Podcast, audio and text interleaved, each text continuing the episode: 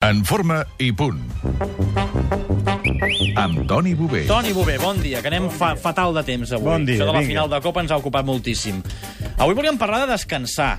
Uh -huh. El Barça de bàsquet, per exemple, arriba a les semifinals de la Lliga CB molt més descansat que el rival. Uh -huh. Això es nota o no, No. tant com ens sembla a vegades? No tant com ens sembla a vegades.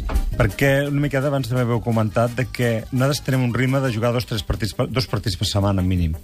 I llavors, clar, eh, el, el descansar trenca aquest ritme, això es pot ser negatiu contra l'equip.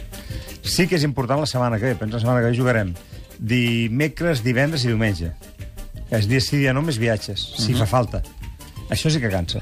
Cansa més possiblement un viatge que no, que no el fet de jugar aquí eh, avui i diumenge.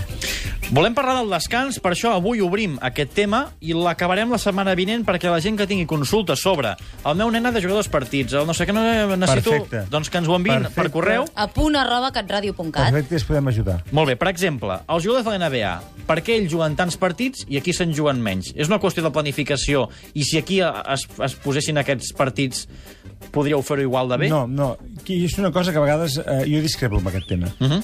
A la Lliga regular de la NBA són 80 i pico de partits. La Lliga regular, nosaltres mateix al Barça acabarem amb 70 i pico partits. Pràcticament hi ha poca diferència. La diferència important és que juguen molts partits en molt poc temps. I nosaltres juguem els mateixos partits amb molt sí, sí, més és a dir, temps. aquí podríem concentrar-ho també tant, I tant. o seria una dificultat a l'hora de la aquí, preparació aquí es física? podria, es podria concentrar concentrar, evidentment, eh, sense cap mena de problema, perquè les distàncies són de viatge són molt més curtes. Pensa que allà, eh, quan un equip es desplaça de la costa est a la costa oest, hi ha, hi ha altres, altres problemes. Eh? Però jo crec que, que el descans, si els jugadors professionals se sap cuidar, no té per què haver-hi cap problema.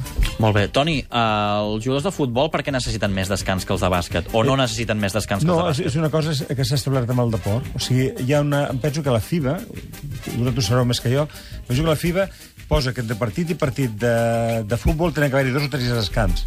La, fi, la UEFA, la FIFA, O la UEFA. sí, 48 hores. 48 hores. En canvi, en bàsquet, eh, una, una competició internacional, moltes vegades és, és cada dia. No té res a veure això amb que el bàsquet sigui més explosiu i que potser un jugador no, de futbol fa més que són, jo quilòmetres. crec que són costums. Però quan un jugador juga una pròrroga en un partit sembla que està mig mort, li fan ma massatges, li baixen els Bueno. mitjons i total són 30 minuts extras que Clar, potser això, jo, no jo, hauria de... Sí, jo crec que això són... També, per exemple, en, altres, en molts esports s'entrena una vegada al dia i en bàsquet l'estàndard són dues vegades al dia.